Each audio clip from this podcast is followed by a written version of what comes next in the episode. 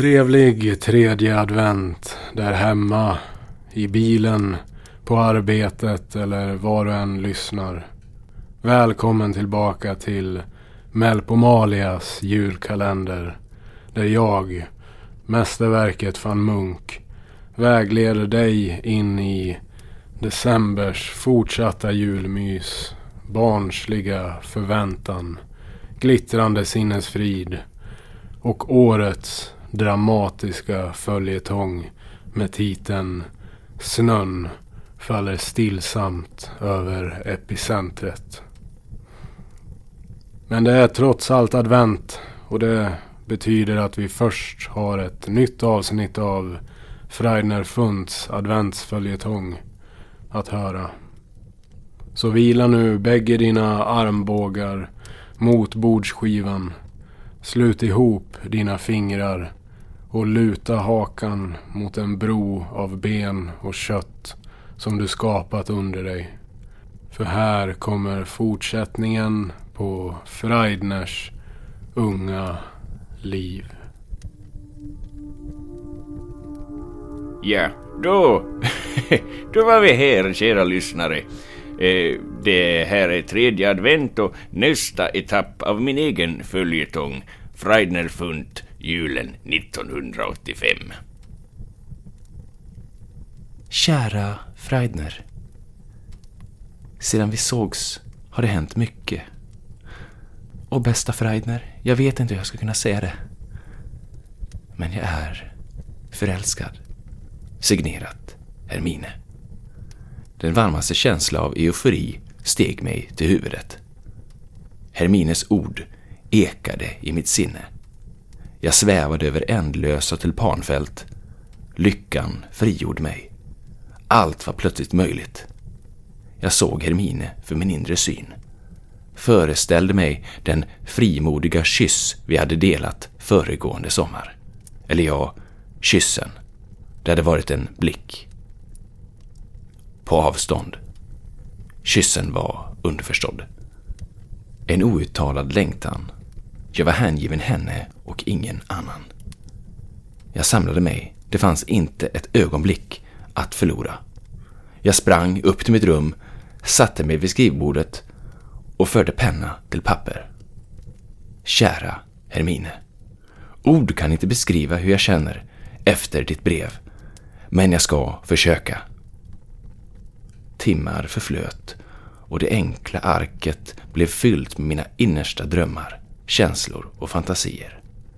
Älskade hon mig lika rent som jag älskade henne skulle hon förstå varje ord. Mitt hjärta var ett öppet såll och jag blödde varmt för Hermine. Jag synade mitt kärleksmanifest och signerade det. Din Freidner. Jag vek pappret och lät det glida ner i ett kuvert innan jag med varsam tunga slickade igen kuvertet som vore det en ömsint gest på hennes rosiga kind. Jag rusade ner, tog på mig min rock och sprang flämtande till närmaste postlåda som ett kärlekskrankt yrväder. Det tog tid. Jag väntade tålmodigt i en hel vecka innan svaret kom. Vi åt belgiska våfflor den morgonen. Alla satt tysta innan min mor gav mig brevet och sa ”Freiner lille. Du verkar ha en beundrare. Min sirapskladdiga mun log brett. Jag reste mig och öppnade Hermines andra brev. Kärlekens värme steg i min lilla kropp. Tiden stod stilla. Jag läste som i ett kärleksdis orsakat av Amors pilar. Kära Freidner. Ditt brev. Hur ska jag uttrycka mig? Så ärligt. Så rent. Och vackert. Sött. Men du måste ha missförstått mig. Jag kände hur min underläpp darrade. Blodtrycket sjunka. En påkallande svindel. Ett fall bakåt. Jag bara föll och föll, kände aldrig golvet. Mörkret omslöt mig.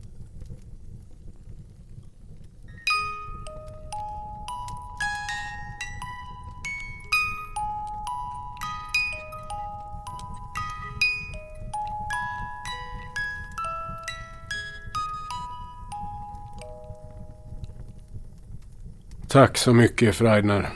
Och tack så mycket PO för inläsningen återigen. Livet bjuder ibland på överraskningar, så är det ju. Som inslagna julklappar redo att öppnas kommer de. Och de kommer när du minst anar det. Men det betyder inte att överraskningarna alltid innehåller något gott eller något bra. Eller något av det du skrivit på din önskelista. En gång när jag var liten så fick jag ett paket som innehöll exkrement av råtta. Ingenting mer, ingenting mindre. Det var inte så att jag skrattade den gången. Men nu har det blivit dags för det elfte avsnittet i ordningen. Samla din familj. Lägg dig raskt ner i fosterställning eller valfri position. För här kommer Johnny Edge och alla hans käraste vänner i snön faller stillsamt över epicentret.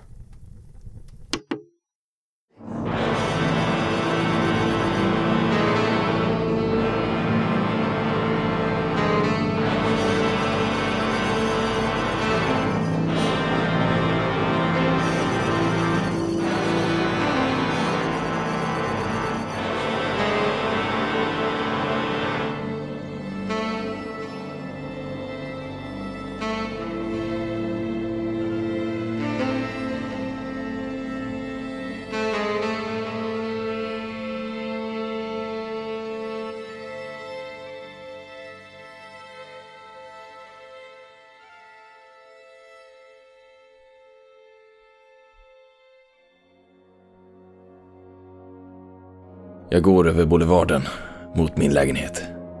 Vid varje steg griper ångern tag i mig. Förra gången jag hade ett sånt här stort skop så hade Mary varit till stor hjälp.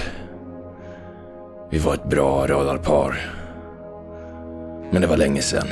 Allt för länge sedan. Nu är det som att vi glider allt längre ifrån varandra. De glada dagarna av vårt förhållande var över innan det knappt hann börja. Är det inte någon som förföljer mig? Nej. Nej. Ingen. Var det någonsin riktigt bra? Jag känner något för henne. Men jag vet inte vad. Inte förälskelse, någonting. Men jag vet inte om det är tillräckligt. Jag måste följa min intuition och den leder mig inte till Mary utan till något annat. Med det här nya skopet kommer jag kunna komma tillbaka till glansdagarna och folket kommer att se mig som deras stora hjälte. Då kanske den jävla gubben och morsan, det kanske duger för dem. Johnny Edge. Folkets hjälte. Regnet slutar aldrig att falla här ute. Senare i natt reser jag med julexpressen bort från den här eh, förjordade huvudstaden. Men jag hinner sova en liten stund innan först. Det har varit en alltför hektisk dag.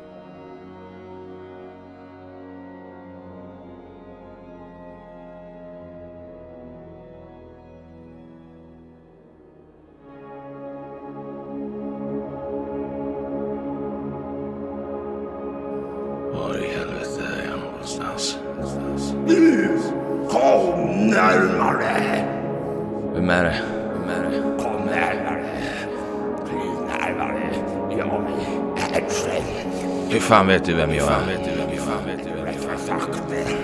Vem du inte är. Vem du inte är. Vem i helvete är du? Jag är största fan. Jag är Edström. Visa dig. Visa dig. Visa dig. Inom tid ska jag visa mig. Och då, då kommer tiden att vara ute. Hallå? Vad menar du med det? Vad menar du med det? Tiden kommer att vara ute.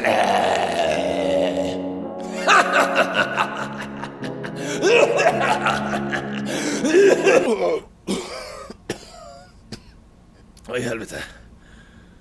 Och en till märklig mardröm. Jag måste ringa till doktor Hoffman så jag får mer mediciner. Vad fan är jag? Min lägenhet? Huvudet, eller...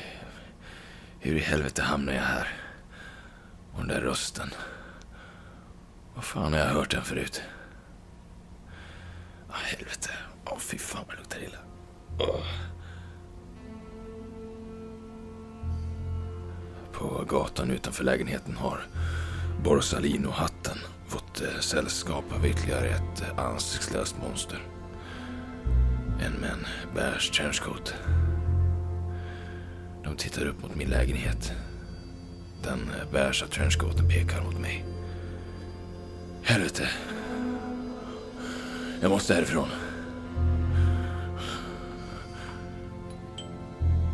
Helvete. Åh, vem fan är det? Cass! Oh, vad fan gör du här?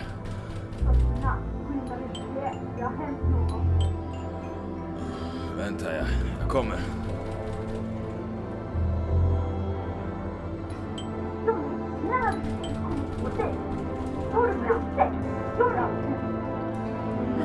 Mary?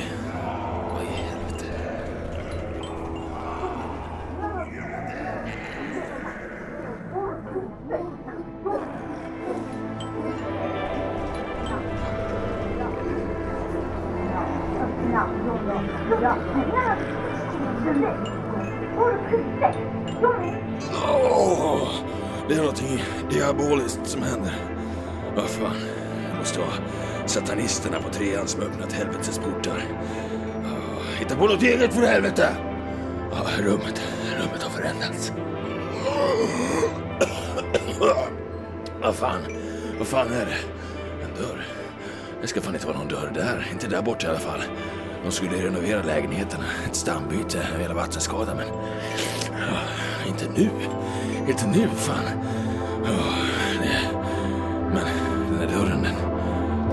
Den måste leda rätt ut och sju våningar ner. Rätt ut på gatan.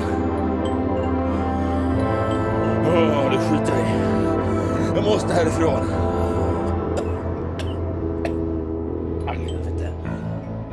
Oh. va? Dörren är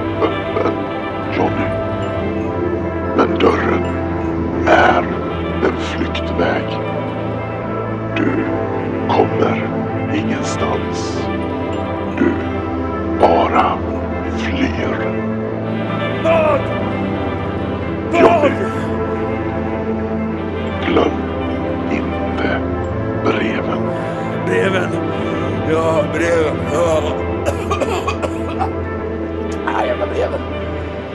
Åh, fy fan.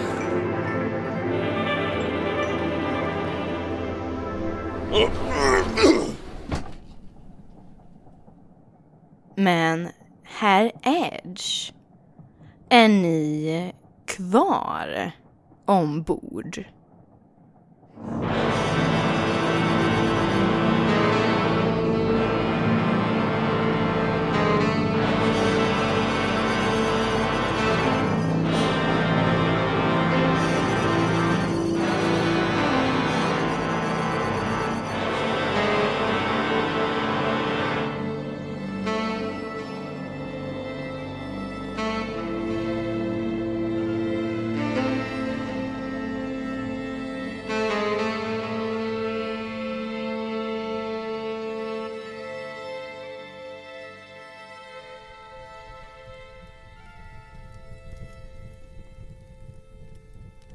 Ja, så kan det gå när inte haspen är på.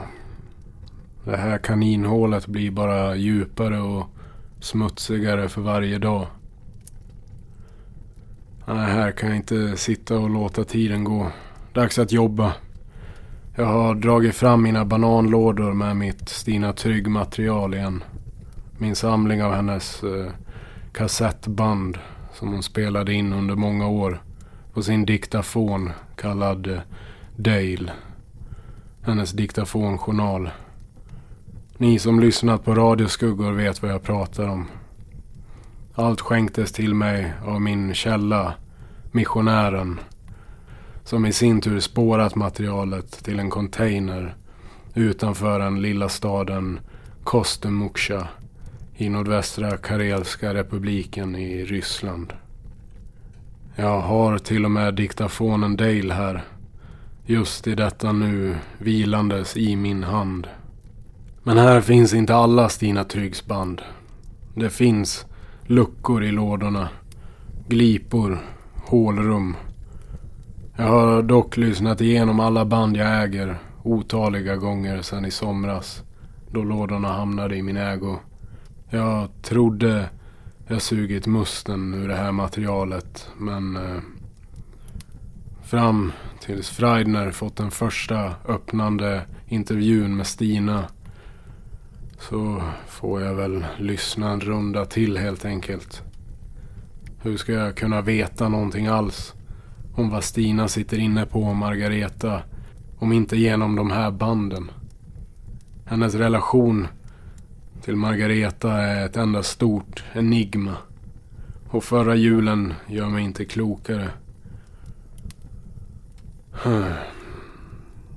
Det som göms i snö kommer upp i tö, säger de. Nej, på återhörande imorgon igen. Och till dig som lyssnar troget. Ha en god vinternatt. Jaha, då ska vi se.